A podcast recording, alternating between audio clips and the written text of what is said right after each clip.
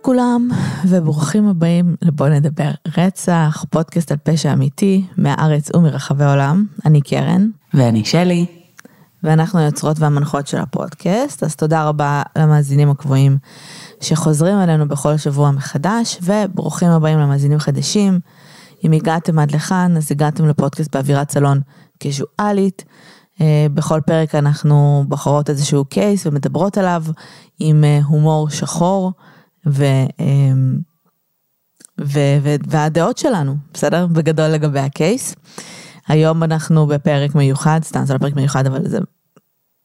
אני לא זוכרת מתי פעם אחרונה הקלטנו בבוקר. אה, כן. לא אני ולא שלי אנשי בוקר יותר מדי. האמת שאני קצת כן, אבל אנחנו מקליטות בדרך כלל בסופאשים, בזה, אז פחות... אני כאילו מרגישה שאני יש בי משהו יותר פרודוקטיבי בבוקר, אבל אני לא מתקשרת. כאילו נגיד, אני הייתי מאלה שמגיעים לעבודה בשבע בבוקר. כן. ועד עשר הייתי עושה כאילו עבודה של יומיים. אבל לא כן. לא מתקשרת עם אנשים, אני לא כאילו בא לי עכשיו לדבר ו... אני מתחברת לזה מאוד. אז, אז מה זה אומר? זה אומר שאני בן אדם של בוקר או לא? נראה לי... את רואה, אי אפשר לשאול אותך שעות מורכבות בבוקר. זה נכון. לא, אבל נראה לי שברמת פרודוקטיביות, אני כן, הפרודוקטיביות שלי גם היא מאוד גבוהה בבוקר יחסית, כן. אה, אבל זו נקודה נכונה שלוקח לי רגע. כן. ויש משהו כן. בפשע אמיתי שזה כאילו מזכיר כזה ערב. לא כזה על הבוקר, כזה בוקר טוב עם הקפה, רצח, what the fuck. אז זה קצת מוזר. אה, אנחנו נצלח את זה. אז uh, לפני שאנחנו נתגלגל לפרק שלנו היום, אנחנו רוצות לספר לכם שהפרק הזה הוא בחסות אוניברסיטת אריאל, ואנחנו רוצות להזמין אתכם ליום פתוח באוניברסיטת אריאל, שמתקיים ב-17 לפברואר. לא משנה איזה חלום אתם רוצים להגשים, אתם רוצים להיות פסיכולוגים, קרימינולוגים, עורכי דין, כל דבר אחר, אתם יכולים להגשים את החלום הזה באריאל.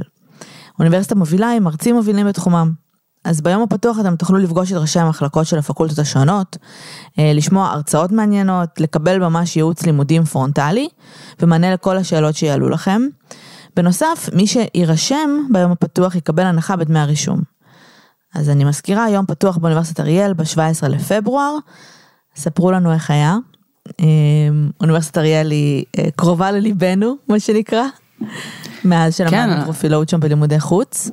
לגמרי, ובאמת הייתה לנו חוויה סופר חיובית, אה, היה לנו באמת אחלה של מרצים וסביבה סופר כיפית ומעניינת ולמדנו מהם המון, אה, ואנחנו תמיד בעד אה, באמת לימודים והרחבת אופקים ולמידה, אז באמת תבדקו אותם.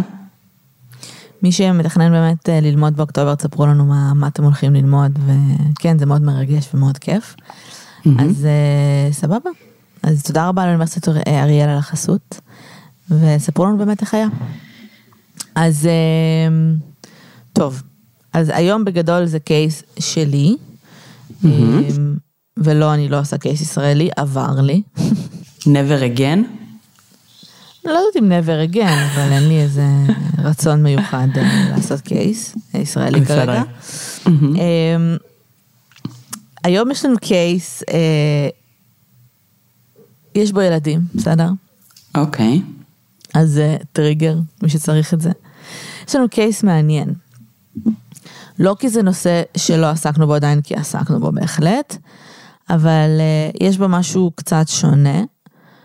הוא מעניין בעיקר כי בשנים האחרונות יש איזשהו שינוי עם הקייס הזה, שגורם לאנשים להסתכל עליו בצורה טיפה אחרת. אה, אז היום אנחנו נדבר באמת על ילדים, על אה, דיכאון לאחר לידה, קצת סטיגמות, אה, כיצד אימהות טובות במרכאות אמורות לראות ולהתנהג. ואני יודעת שדיברנו על הנושא הזה המון, ונראה לי שזה ברור גם כאילו from day one כזה, שזה נושא שהוא קרוב לליבי הרבה לפני שהייתי אימא, כאילו שנים אחורה. Mm-hmm. וזה נושא שאנחנו מרגישות שלא מדברים עליו הרבה. אה, וגם ברור לי כאילו שיש ממני איזושהי ציפייה לחלוק, כי במשך שש שנים אנחנו מדברות על, אה, על אימהות ועל דיכאון לאחר לידה וכל מיני כאלה, ופתאום אני אימא. אז אני כן חייבת להגיד ש... בגלל גם הפודקאסט ובגלל מי שאני, התכוננתי מאוד לקשיי הסתגלות. התכוננתי לדיכאון לאחר לידה, כאילו, hands on, אמרתי כאילו, סביר להניח שזה מה שיקרה. אה, אני תמיד מתכוננת לגרוע ביותר, כי אז כאילו, אני לא מופתעת ואני נכנסת לדברים בעיניי פקוחות כמה שאפשר.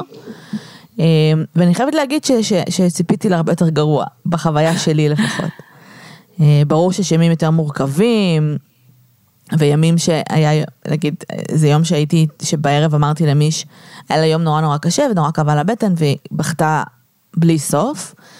ואמרתי למיש כשהוא הגיע הביתה שהייתה לי הבנה באותו יום של אני לא יכולה לקחת חמש דקות. זאת אומרת, אני צריכה שנייה, דקה, דקה אחת, בסדר? של רגע, mm-hmm. אני לא יכולה. כי אם אתה נמצא לבד בסיטואציה, מה אתה אמורה לעשות? אין לך איך, כאילו... וזו הייתה הבנה די uh, הזויה. Um, ובגלל שבאמת דיברנו בזכות הפודקאסט הזה הרבה התמודדויות, כאילו אני מרגישה ש, שזה לא יהיה לי זר, כאילו המון דברים שדיברנו עליו והמון דברים שאני חוויתי. Um,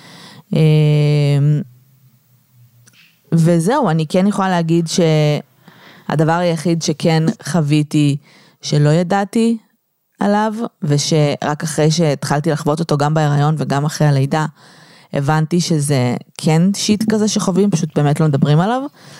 זה, ואני מדברת לנשים, כי אני לא יודעת איך גברים חווים את זה, אבל uh, יש איזושהי התמודדות רגשית עם ה... עם ה בתור הורים, עם, ה, עם ההורים שלכם, בסדר?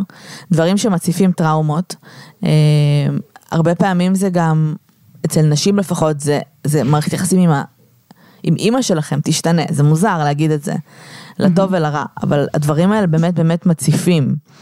אמ, אז קחו את זה בחשבון, כאילו, אתם תחזרו להיות קצת הילדים שהייתם, אה, לא משנה כמה הילדות שלכם הייתה טובה או פחות טובה, פתאום דברים צפים, אמ, ולחוות את הדברים האלה שוב דרך העיניים של הורה, דרך כובע חדש שיש לכם, זה חוויה סוריאליסטית ברמות. זה מה שיש לי לומר. אמ, ואם אני מסכם את החודש הראשון שלנו כהורים, אז תבקשו עזרה. אני יודעת שכולם אומרים את זה כל הזמן, אבל for the record סתם אני אחלוק באמת ואני אגיד שרק ב, ביומיים, ביומיים שלושה האחרונים חזרתי לקחת את הוויטמינים שלי כמו שצריך, חזרתי לעשות דברים שכאילו הייתי אמורה לעשות from day one, כי גם ככה השתחררתי לא במצב מדהים מהבית חולים. אז שוב, כאילו, don't, uh, don't do as I do, כאילו do as I say. תבקשו עזרה.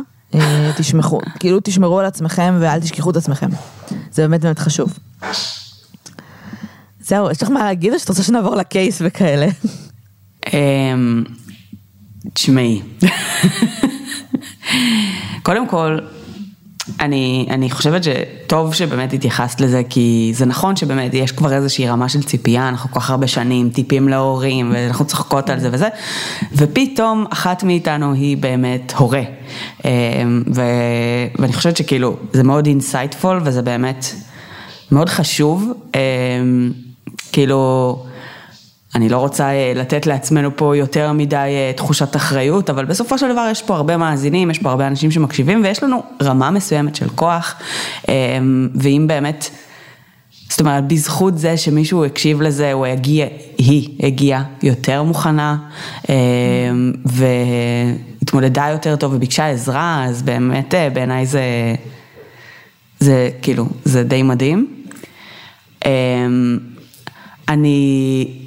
אני, אני כאילו, אני רואה מהצד כזה קצת בצורה מסוימת את, ה, את התהליך שאת עוברת, לצערי לא מספיק מקרוב כמו שהייתי רוצה, אבל, אמ, אבל זה באמת, זה, באמת משוגע, זאת אומרת, אני, אני חושבת שבאמת הנקודות האלה שבהם הורים מבינים אה, דברים כמו אין לי, אין לי דקה, אני לא יכול לקחת הפסקה רגע, אני חושבת שזה באמת, זה אחד הדברים האלה שכמו שפעם ראשונה שאתה גר לבד. כן. זה, זה נורא מבגר, זה כאילו, אתה גר לבד ואתה חולה, אין מי שיטפל בך. זאת אומרת, יש המון אלמנטים כאלה שפשוט באמת מקפיצים אותנו לרגע אה, ביכולת שלנו, בהתבגרות שלנו, בחוסן הנפשי שלנו, ומצד שני הם גם נורא נורא קשים, כאילו הדרך לשם היא באמת מאוד מאוד קשה. אז אה, לא חוויתי, לא נמצאת שם, עדיין לא הורה. אמ, אבל אה, אני מאוד שמחה שאת לא בדיכאון אחרי לידה בעיקרון. בינתיים לא, בינתיים לא. כן, אני חייבת להגיד בינתיים. הקטע הזה של אין לכם דקה, ברור שברגע ש... לא יודעת אם, אתם... נדבר על, על התהליך שלי ובכלל הקונבנציונלי, כאילו אם יש שני הורים במשוואה, אז ברור, כאילו אנחנו פה ביחד בסופי שבוע ובערב, ואני צריכה רגע, ומי שלוקח אותה וזה, אבל כשאת לבד בסיטואציה, כי אין מה לעשות, כי אני בחופשת לידה, מיש בעבודה, ואני כאילו, ו, ובאמת היום שלה רע, בסדר עכשיו, אני באמת הלב שלי יוצא אליה, כי אני רואה שכואב לה, ושהיא פשוט לא מרגישה טוב, היא לא בטוב. והיא לא מפסיקה לבכות ואני כזה, אוקיי, טוב, אני חייבת שנייה, כאילו, אני, אני מתבייש להגיד, אני הולכת איתה לעשות פיפי, בסדר? יש לי רמות כאלה שאני מחזיקה את הילדה וכאילו, לא, לא ברור לי איך לא נפלה לאסלה עדיין. מחזיקה את הילדה בגלל שהיא פשוט כאילו בכאבי תופת עכשיו והיא לא מוכנה לרדת מהידיים. אז זה הסיטואציה שאני כזה, אני לא יכולה לתת אותה שנייה לאף אחד, כאילו, אין לי כרגע מה לעשות. אז זה באמת כאילו הבנות הזויות כאלה.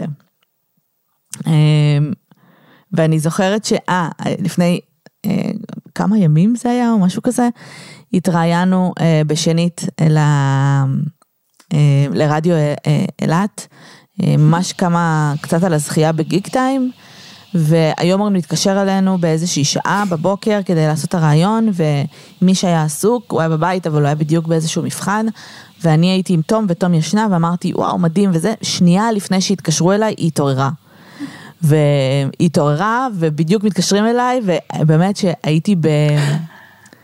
בפחד, צלחנו את זה, והיא, כן. והיא ישבה ואכלה בשקט, כאילו, ופשוט התפללתי שהיא לא, זה, לא תתחיל לאבד את זה או משהו, אבל זה הדברים האלה שאת כזה, אין מה לעשות, כאילו, הכ- הכל סביבה והכל משתנה, וזה משפיע על הכל. אמ, צריך פשוט להסתגל לזה. אגב, אני חושבת שאחד הדברים הטובים שיצאו מהקורונה, זה שזה הרבה יותר נורמל, העובדה שכאילו יש ילדים להורים בבית והם מתקיימים no matter נכון. what. אמ, אז זה באמת אה, משהו שאני חושבת ש... זאת אומרת, אם תום הייתה מתחילה לצעוק אה, ברקע, אני חושבת שהיום זה היה מאוד מובן ומאוד אה, מקובל. אמ, בעוד שלפני הקורונה אולי כאילו זה היה מוזר יותר, או כאילו כזה, היו, לא יודעת, היו קולות מסוימים שאפילו היו יכולים אולי לבקר את זה ברמה מסוימת או משהו כזה, היום זה כזה, טוב, ברור, כאילו, יש ילדים בבית, זה מה שקורה. נכון. אה, בסדר, טוב, הם אה, בגדול אה, אני כזה אמשיך לחלוק, אני מניחה, אנקדוטות. אז... אה, מעולה. אם יש לכם שאלות, אתם מוזמנים אה, לשאול. יש דברים שאני אעדיף להשאיר לעצמי, אני אשאיר אותם לעצמי. יש דברים שאני אה, ארצה לחלוק, אני אחלוק בכיף. וזהו, אז היום אנחנו מדברות על אה, קטלין פולביג. אה, מוכר לך שם? אה, מצלצל, לא בטוחה בדיוק אה, שאני אנחנו זוכרת את הקייס. דיברנו עליה לדעתי בשתיים שלוש דקות באחד הפרקים, כי הקייס שלה עשה קצת הדים בשנים האחרונות, אנחנו תכף נדבר על למה. אז קטלין נולדה ב-1969 באוסטרליה. אה, היא נולדה לתוך זוגיות אלימה בין ההורים שלה, אביה היה מאוד אלים כלפי אמה, הוא היה אלכוהוליסט, כמו שאנחנו יודעים, הרבה פעמים זה מקצוע. הוא היה מאוד מאוד אלים כלפי אימה, אנחנו לא יודעים אם זה היה גם כלפי קטלין, אין איזה שהן עדויות שהיא כן חוותה פיזית אלימות, אבל אי אפשר לדעת. כשהייתה בת שנה וחצי, האלימות הזאת הגיעה לשיא שלה כשאביה רצח את אימה, באמצע רחוב בסידני, וואו. כן, זה היה ברמה כזאת, הוא תואר בזמנו כשיכור וזועם. אה, קטלין עברה למשפחה אומנת ועברה כמה כאלו עד שבאמת היא נשארה באיזושהי משפחה שגידלה אותה, עד שהיא כבר הייתה, הייתה בגירה. אה, כשהיא התחילה לגדול אז היא באמת היו לה הרבה שאלות לגבי ההורים שלה, ההורים הביולוגיים שלה, אבל המשפחה לא הייתה מוכנה לנדב עליהם מידע. ואני מניחה שהם פשוט לא ידעו איך או אם לספר לה את האמת, אבל זה גרם לה to לחפש, כאילו בעצמה לעשות ריסרצ' למצוא בסוף מה קרה להם, כן? פשוט אף אחד לא תיווך לה את זה אה, בצורה נורמלית, וכמובן שהיא נשארה עם הרבה שאלות והרבה חששות והרבה אה, שאלות פתוחות בעיקר לגבי הזהות שלה.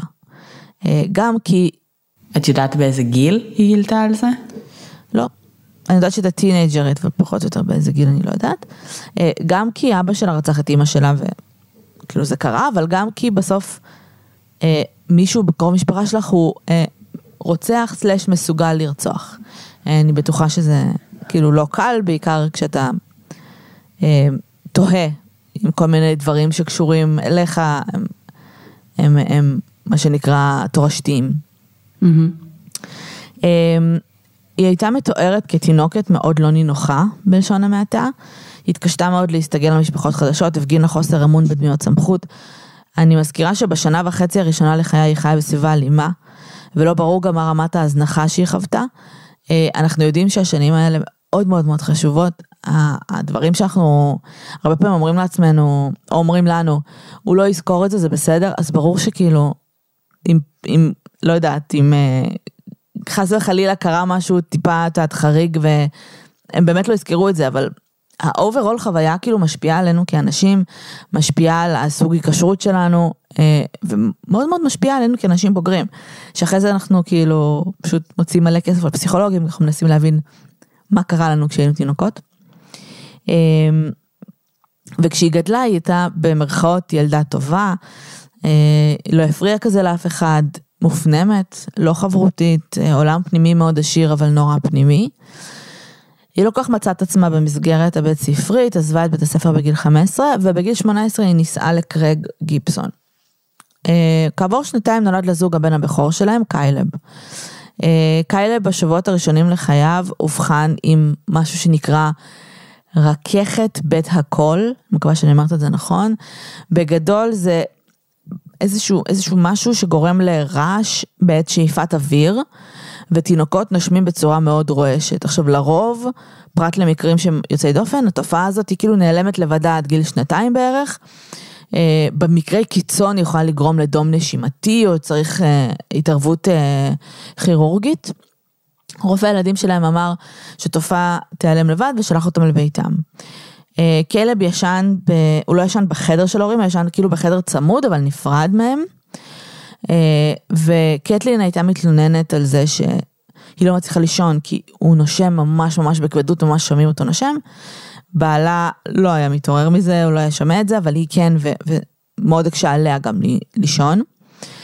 אה, ב-20 בפברואר, שזה בעצם, הוא נולד ב-1 לפברואר 1989, ב-20 בפברואר קרג, בעלה, מתעורר מצרחות של קטלין, הוא רץ לחדר של כלב ומוצא אותו מת. ומוצא אותה עומדת מעל ההריסה שלו וצועקת שהילד שלה מת. אה, היא מספרת שהיא הלכה אליו כי לפתע היא לא שמעה אותו נושם ומצאה אותו מת אחרי בדיקה אה, אצל הפתולוג לא נמצאה סיבה למוות והוא נקבע כמוות בהריסה. מי שלא מכיר תסמונת מוות בהריסה זו תסמונת שבה התינוק כאילו מת באופן פתאומי בעודו ישן בדרך כלל זה קורה בלילה אין סיבה בסדר כאילו אין איזושהי סיבה אה, לא יודעת, אה, אה, חנק או דום לב, אף אחד לא יודע כאילו מה קורה. אה, ישנם גורמי סיכון, כאילו זה כן יכול לקרות לכל תינוק, גם לבריא ביותר, יש גורמי סיכון. בטח זה, זה משהו קשור איכשהו למנגנון נשימה וחוסר יכולת להתעורר. למשל, אני מניחה שכולם יודעים את זה, אבל משרד הבריאות ממליץ אה, להשכיב תינוקות לישון על הגב בלבד ולא על הבטן, כי יש קשר בין שינה אה, אה, שינה על הבטן לבין מוות בעריסה. מסתבר שעל הבטן הם ישנים ממש ממש עמוק, ואז קיים איזשהו סיכון כזה. אמ, להשכיב תינוקות על הבטן זה מאוד מאוד חשוב, זה מפתח אותם נורא, אבל בהשגחה בלבד. וזה מה שמשרד הבריאות ממליצים. אמ, הורים שמעשנים בקרבת התינוק או שהתינוק היה חשוף לעישון במהלך ההיריון. אמ, הם יותר בסיכון למוות בעריסה. כאילו כל מיני דברים כאלה שהם, יש גורמי סיכון אבל אנחנו לא יודעים ממה זה קורה. אה, והתסמונת הזאת רווחת אצל תינוקות בדרך כלל בין גיל חודשיים לארבעה חודשים, עדיין היא מאוד נדירה, בסדר? כאילו, for the record. והיום יש הרבה כזה baby מוניטורים, את יודעת, כאלה ששמים אה, על העריסה, ששומעים אותם נושמים וכל מיני כאלה, אז אתם יכולים להיעזר בזה. אני לא נעזרת בדברים האלה, זה, ידעתי שאני אוכל על זה סרטים. חוץ מזה שתום היא בעריסה ממש קרובה אלינו, אז כל ה baby מוניטורים האלה הם כאילו לפעמים יכולים לתפוס את הנשימה שלי זה סתם, סתם ייצור פאניקה. אז אה, אחרי הטרגדיה הזו, בשלישי לשישי 1990, אה, ממש כאילו שנה וחצי אחרי, נולד פטריק. אה, קרג נשאר הפעם בבית עם קטלין במשך שלושה חודשים כדי לעזור עם התינוק, ונראה שבגדול טוב להם. אחרי שחזר לעבודה, קטלין דיברה על הקושי לדבר, לטפל בילד לבד, ושמדובר בילד שהוא לא נינוח וכזה שבוכה הרבה. לא יותר מצליחה להרגיע אותו רוב הזמן, וחשה קצת אשמה לגבי זה. כן חשוב לי להגיד, זה לא שהיא חלקה את הדברים האלה. Mm-hmm. כשאני אומרת קטלין מספרת, או קטלין אומרת, זה בהמשך, בדיעבד. בעלה מוצא יומנים שלה, בסדר? היא הייתה כותבת הרבה ביומנים על הקשיים שלה. עם הילדים, אה, הסתגלות להורות, קשיים עם קרג, באופן כללי בכלל. ב-18 באוקטובר, שזה ארבעה חודשים אחרי, קרג מתעורר באמצע הלילה, שוב מצעקות של אשתו, שעומדת מעל ההריסה של פטריק, והוא לא נושם. אה, קרג מתחיל לעשות פעולות החייאה עד שהאמבולנס מגיע והתינוק שורד. הוא מאובחן כשמגיעים לבית חולים עם אפילפסיה ועיוורון חלקי, וכעבור ארבעה חודשים הוא נפטר מהתקף אפילפטי שהוא חווה. ב-12 באוקטובר 1992, לזוג אה, בעצם יש ילדה שלישית בשם סרה. כל הכבוד להם. ששוב נפטרה בשנתה. מה זה? אמרתי כל הכבוד להם, מצליחים אה, בעקביות. אה, כן. כן, תראי, אני לא יודעת איך, זה נראה לי נורא. זה נראה לי סופר. כן, כן. סופר, ממש. הם גם כזה עוברים דירה בין לבין, מנסים לעשות התחלות חדשות, קונים כל פעם באמת baby מוניטורים כאלה ודברים שאמורים לעזור להם למנוע מזה לקרות, אה, משנים מלא דברים. הוא בשלב מסוים כבר כזה, אני לא רוצה יותר ילדים, והיא משכנעת אותו שכאילו, הוא נורא רוצה להיות אב, זה לא שהוא לא רוצה, הוא פשוט כאילו, fucking, they keep on ברור, זה, זה ממש נורא.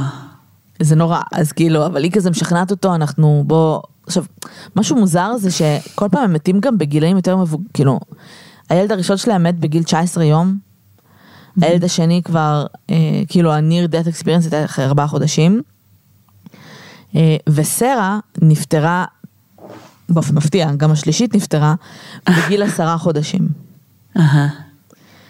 לזוג ב-1997, שימי לב שזה כבר עברו חמש שנים מאז הפעם האחרונה, אה, נולדת עוד ילדה בשם לורה. וואו. שנפטרה בגיל שנה וחצי. oh my god. Oh בכל הסיטואציות, אה, קטלין שם, מעל העריסה slash המיטה של התינוק, בוכה, בעלה מתעורר, ומגלים שתינוקת, אה, תינוק תינוקת מתים. oh my god. עכשיו גם הגיל של הילדים רק עולה. אפשר מאוד להגיד, מוזר שרק היא מוצאת אותם מתים. עם זאת, אנחנו לא יודעים, כאילו, יכול להיות שהיא יחידה שקמה בלילה לילדים. Mm-hmm. כאילו, זה, זה, זה נשמע לי לגיטימי. אם את היחידה כן. שקמה בלילה לילד, וזה קורה בלילה, הגיוני שאת זו שתמצאי אותם. כן. נראה לי. בכל אופן, אה, עדיין מבחינה בשלב מסוים סטטיסטית, הפתולוג היה צריך לחתום על סיבת מוות, ששוב אין סיבת מוות, אבל הוא, עכשיו זה, זה מעניין, כאילו מעניין אותי גם מה את חושבת על זה. הוא, אני לא יודעת מאיפה הוא יודע, אבל הוא ראה במדיקל, מדיקל רקורדס כנראה, ששלושה ילדים נוספים מתו באותה משפחה, והוא מחליט לכתוב שהמוות, סיבת המוות לא ידועה, ולפנות למשטרה. האם זה תפקידו של הפתולוג? האם זה, האם זה אה, משנה שמתו שלושה ילדים לפני? כאילו, מבחינת סיבת המוות? מעניין. אני חושבת שלא, כאילו זה לא תפקידו של הפתולוג, אבל אמ, כשאין שום אינדיקציה רפואית, כאילו הוא הגדיל ראש פה, כן, הוא הגדיל הוא ראש אמר, ממש. כן, הוא אמר, זאת אומרת, אני לא מזהה את המקור, אבל ארבע זה כבר דפוס די מדאיג. אז כאילו, זה באמת לא נראה לי האחריות שלו אה, לעשות את זה, אבל נראה לי שהוא יודע שאם הוא יקבע שבעצם, אה, כאילו, שאין סיבה, או שזה מוות טבעי או משהו כזה, הוא יודע שלא יקרה פה כלום, או כאילו המידע הזה לא יגיע למשטרה בשום צורה, אז הוא עושה החלטה שלדעתי היא באמת לא בסמכות שלו. אבל אולי אנחנו כאילו, טועות. אין בעיה לפנות למשטרה אגב, אבל על לקבוע את הסיבת מוות, אה, על מה, כאילו זה לא צריך להיות שיקול. כן. אה, עם זאת, נראה לי שהפתולוג הזה גם לא ממש הבין, כאילו, אה, מה לעשות, כי הוא אומר שגם לא מתה בגיל שנה וחצי, זה מאוד נדיר למוות בעריסה. כן. אה, זה כבר מאוד מבוגר, אבל זה נורא הזכיר לי את הקייס של פיטרסון, של הפתולוגית שהחליטה שזה רצח, כי הייתה עוד מישהי שנפלה במדרגות שקשורה, את מבינה? כאילו, כן. זה, לא, זה, לא, זה לא משנה, את צריכה להסתכל על הראיות שיש לך פיזיות, כאילו, ולהחליט ממה הקורבן הספציפי הזה מת, כאילו, זה לא משנה מה, מה התיאוריה שלך. זה, זה פשוט הזכיר לי את זה. בשלב הזה, אה, טוב, אז המשטרה כמובן מתחילה בחקירה, ובשלב הזה בעלה מוצא יומנים שלה, שאחר כך גם מוצגים בבית המשפט, אה, כי מחליטים באמת להאשים את קטלין ברצח של ארבעת ילדיה. אה, היא היחידה שמצאה אותם, והיומנים שלה הם היו הראייה הכי חזקה במשפט. למרות שאני מזכירה, אין ראיות פיזיות.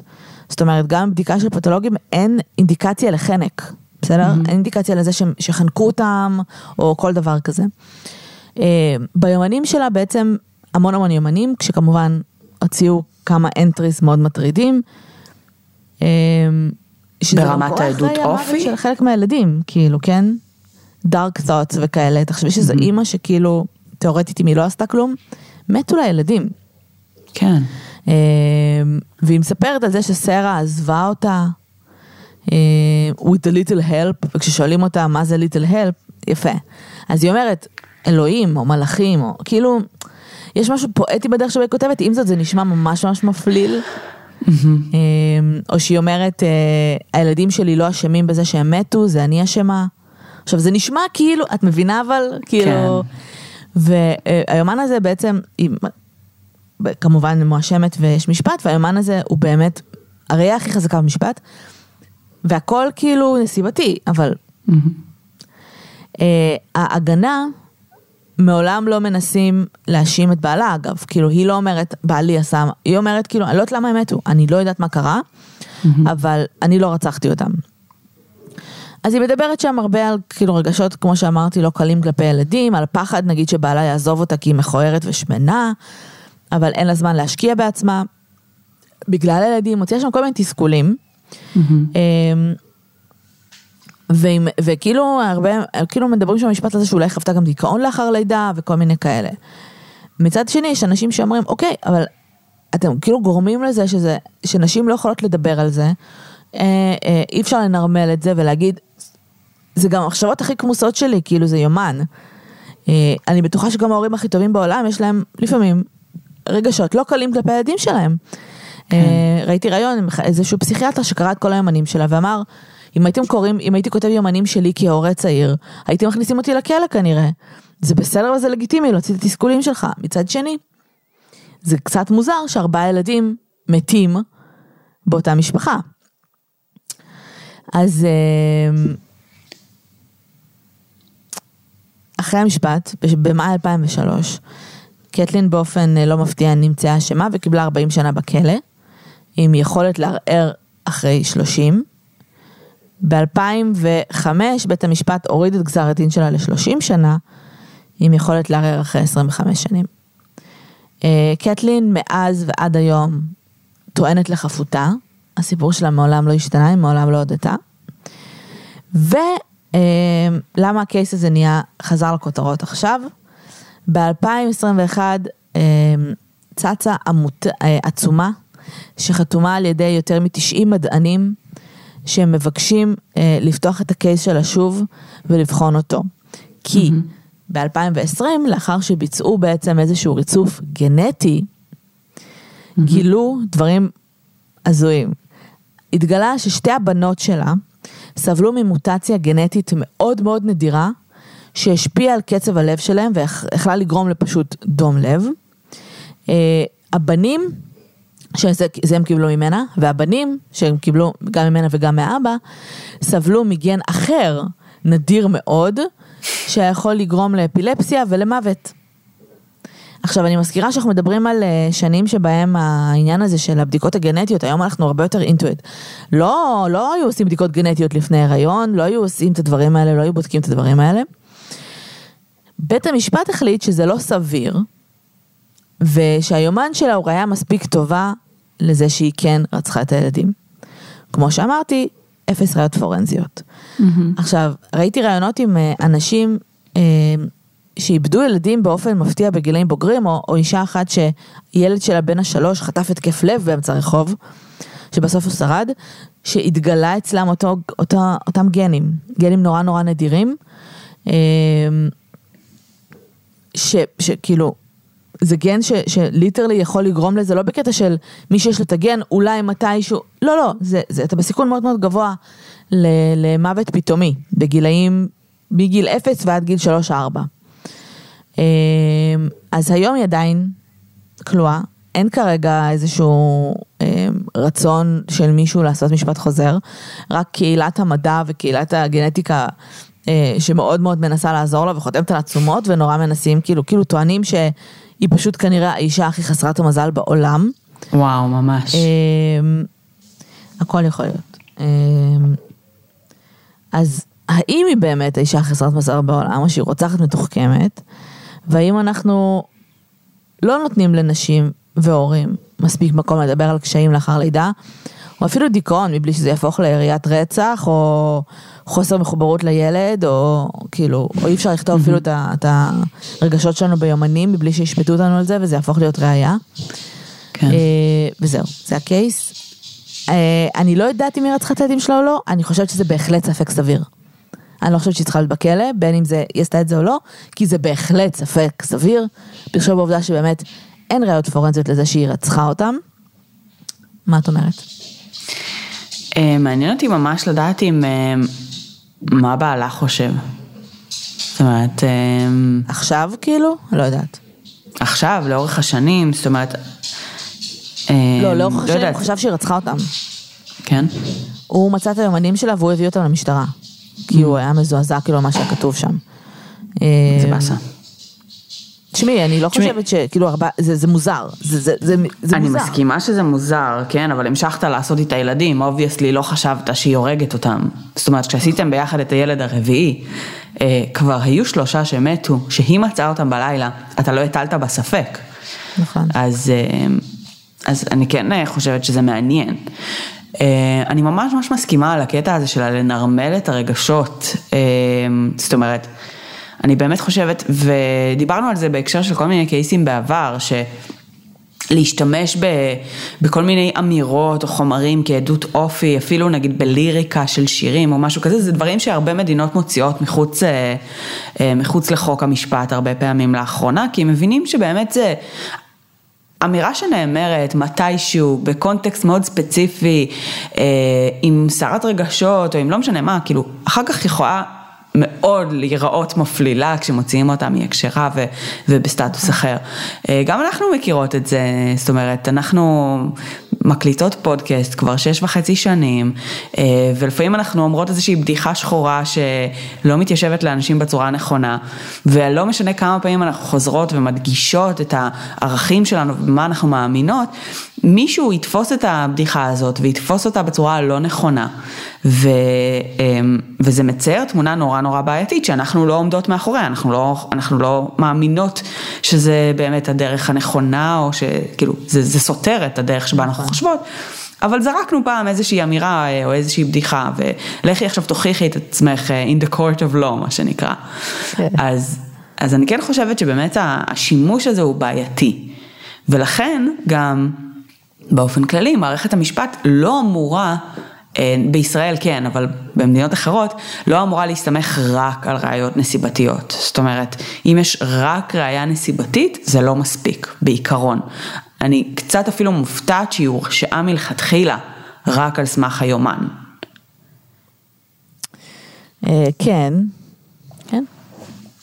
בישראל אגב, זה פחות היה מפתיע אותי, כי החוק בישראל כן מתיר שימוש בראיות נסיבתיות ודבר מה נוסף שיכול להיות נורא נורא חלש, כמו נגיד העובדה שהיא הייתה הבן אדם שמצא את כל ארבעת התינוקות, זה היה יכול להיות בישראל הדבר מה נוסף הזה וזהו, זה היה מספיק.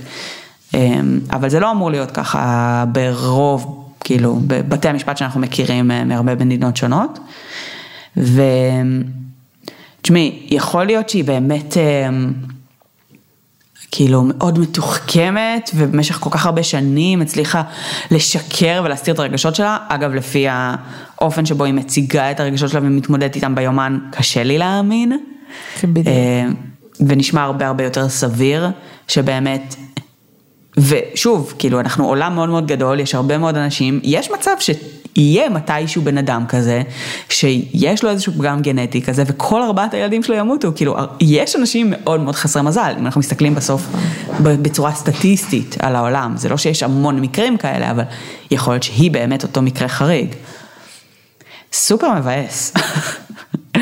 יש אה, רעיון עם איזו אישה שמספרת שהילד שלה בן השנה וחצי, שהיה סופר פעיל וחיוני וזה, אה, וואי סליחה, לא זוכרת בשביל שנה וחצי, שנתיים וחצי, לא משנה, גם, כאילו מת, לילה אחד, ואז הם לא ידעו שאיזשהו פגם גנטי וזה, אבל כאילו הוא פשוט מת, וכמה ימים אחרי הרווחה מגיעה כדי לקחת להם את הילדה שלהם בת השישה חודשים. אוי ואבוי. כי הם פשוט מניחים שההורים רצחו אותה. עכשיו כאילו, בסוף התגלה שזה אותו פגם גנטי. אה, אבל זה אוטומטית לאן שהם הלכו, כאילו. שוב, לא היה איזושהי סיבת מוות, לא היה סיבת חנק וכל מיני כאלה. וגם לגבי קטלין, שוב, אני לא יודעת אם היא עשתה את זה או לא, אבל אה, יש משהו בחשיבה הזאת בדיעבד.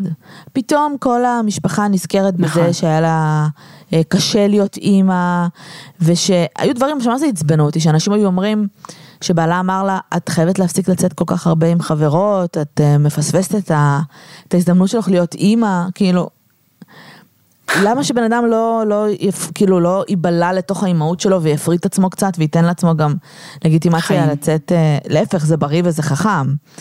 כן. אה, הפכו אותה לאישה נורא חלשה כזאת, של כאילו שלא מסוגלת להתמודד עם האימהות, לא משנה מה, וכל הדברים הטובים במרכאות נדחקו הצידה, כי היו.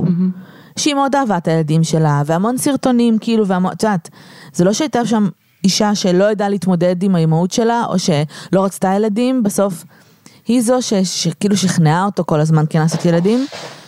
כן חייבת להגיד שהיא כן אובחנה ולא מצאו שם לא הפרעת אישיות ולא מינכאוזן ולא כאילו שום דבר בעולמות האלה.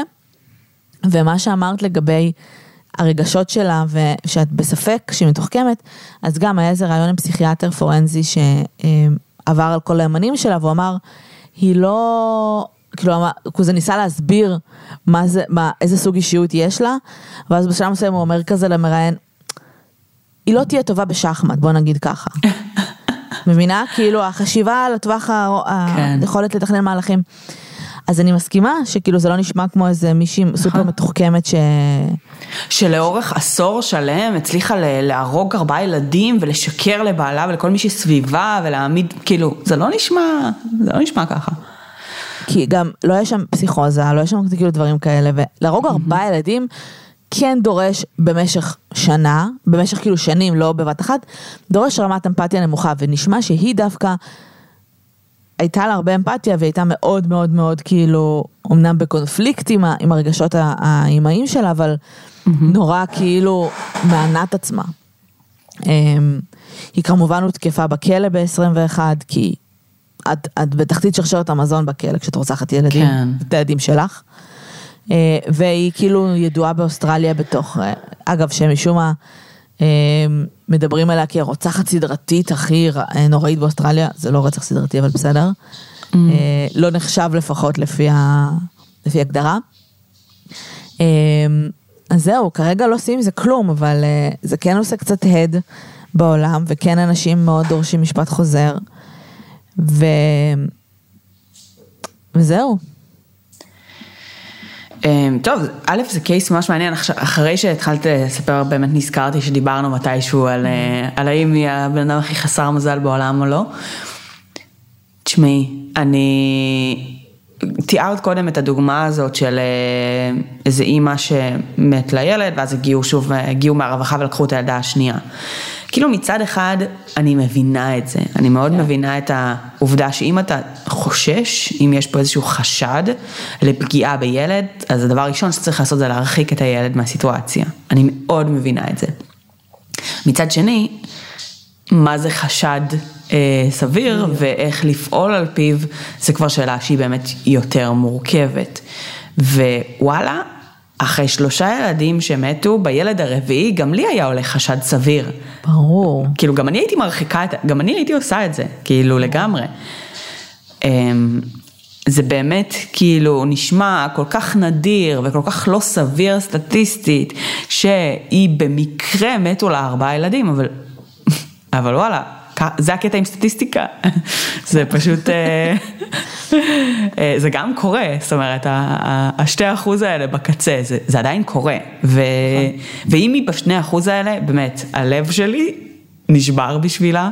ממש. אמ, וכאילו, פשוט באסה רצינית מאוד. ותשמעי, אמנם גם אם הייתה יוצאת זכאית, יכול להיות שהיא הייתה נשארת האישה הכי שנואה באוסטרליה, אבל נשמע כאילו יש שם ספק סביר, סורי. כן. אה, ככה זה נשמע, בעיקר עכשיו, עם הגילוי הזה של הגנים, יש פה ספק סביר מאוד. אה, שוב, גם אם היא עשתה את זה או לא. אבל כן. בסדר, נמשיך לעקוב ונראה מה קורה. אה, הלב שלי באמת יצא אליה נטו כי כאילו הרגשתי שזה ממש מבאס, שכאילו, שאחרי זה אתה יוצר איזשהו מסר שאי אפשר לכתוב יומנים. כן. כאילו, או אי אפשר לספר לאנשים על your dark thoughts. כי מה זה, זה יבוא נגדך פתאום, את מבינה? כאילו, אנחנו מדברים על זה בסדר וזה לגיטימי, אבל ברגע שקורה כן. משהו זה פתאום נהיה ראייה. נכון, אפילו, אבל גם, אפילו גם העניין הזה שנגיד אה, בעלה אמר שהיא הייתה יוצאת יותר מדי אה, זה, כן. אז כאילו גם, זאת אומרת אנחנו להפך, אנחנו, אנחנו יודעים היום כמה זה חשוב, שכאילו ברגע שאתם נהיים הורים והתפקיד הזה הוא באמת קשה, וכאילו כמה זה חשוב דווקא כן לשמר אינדיבידואליות, לשמר חיים, לשמר את הדברים שאהבתם לעשות מלפני, כדי שלא תרגישו שזה מקלה את כולכם ושתוכלו באמת להיות הורים טובים יותר. אז, אה, ובני אדם, ולא רוצחים את הילדים שלהם, וכולי וכולי.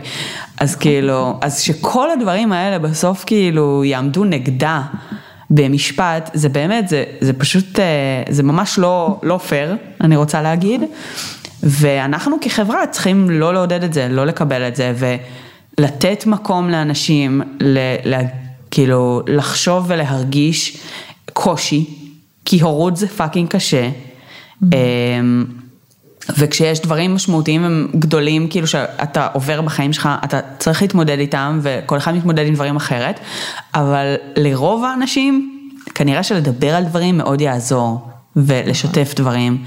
אז, אה, אז אנחנו לא רוצים שאנשים יפסיקו לעשות את זה, כי אז הם ירצחו עוד יותר. נכון, זה לגמרי נכון. אמ, טוב, בסדר, מעניין, מעניין מה יהיה עם זה, אם יהיה עם זה משהו, אני מאוד מקווה שיהיה עם זה. כן. Uh, וזהו, אז uh, ספרו לנו מה אתם חושבים על הקייס, ואם שמעתם עליו, אני בטוחה שכן. Uh, ותודה רבה שהזנתם. אנחנו מזכירות שאנחנו נמצאות בפייסבוק, באינסטגרם, בטוויטר, בפטריון. אז אתם מוזמנים אה, להיכנס בפלטפורמה האהובה עליכם ולספר לנו קצת על מה קורה. אה, היום בעצם, היום יום ראשון יוצא הפרק, אז היום גם יש את הזוכים בהגרלה אה, לסרט. אז מזל טוב לכל הזוכים, אני עוד לא יודעת מי אתם, כי אנחנו מקליטות לפני שסיימנו, סגרנו את ההגרלה. וזהו, אז תודה רבה שהאזנתם, ואנחנו נשתמע בשבוע הבא. ביי לכולם. ביי יוש.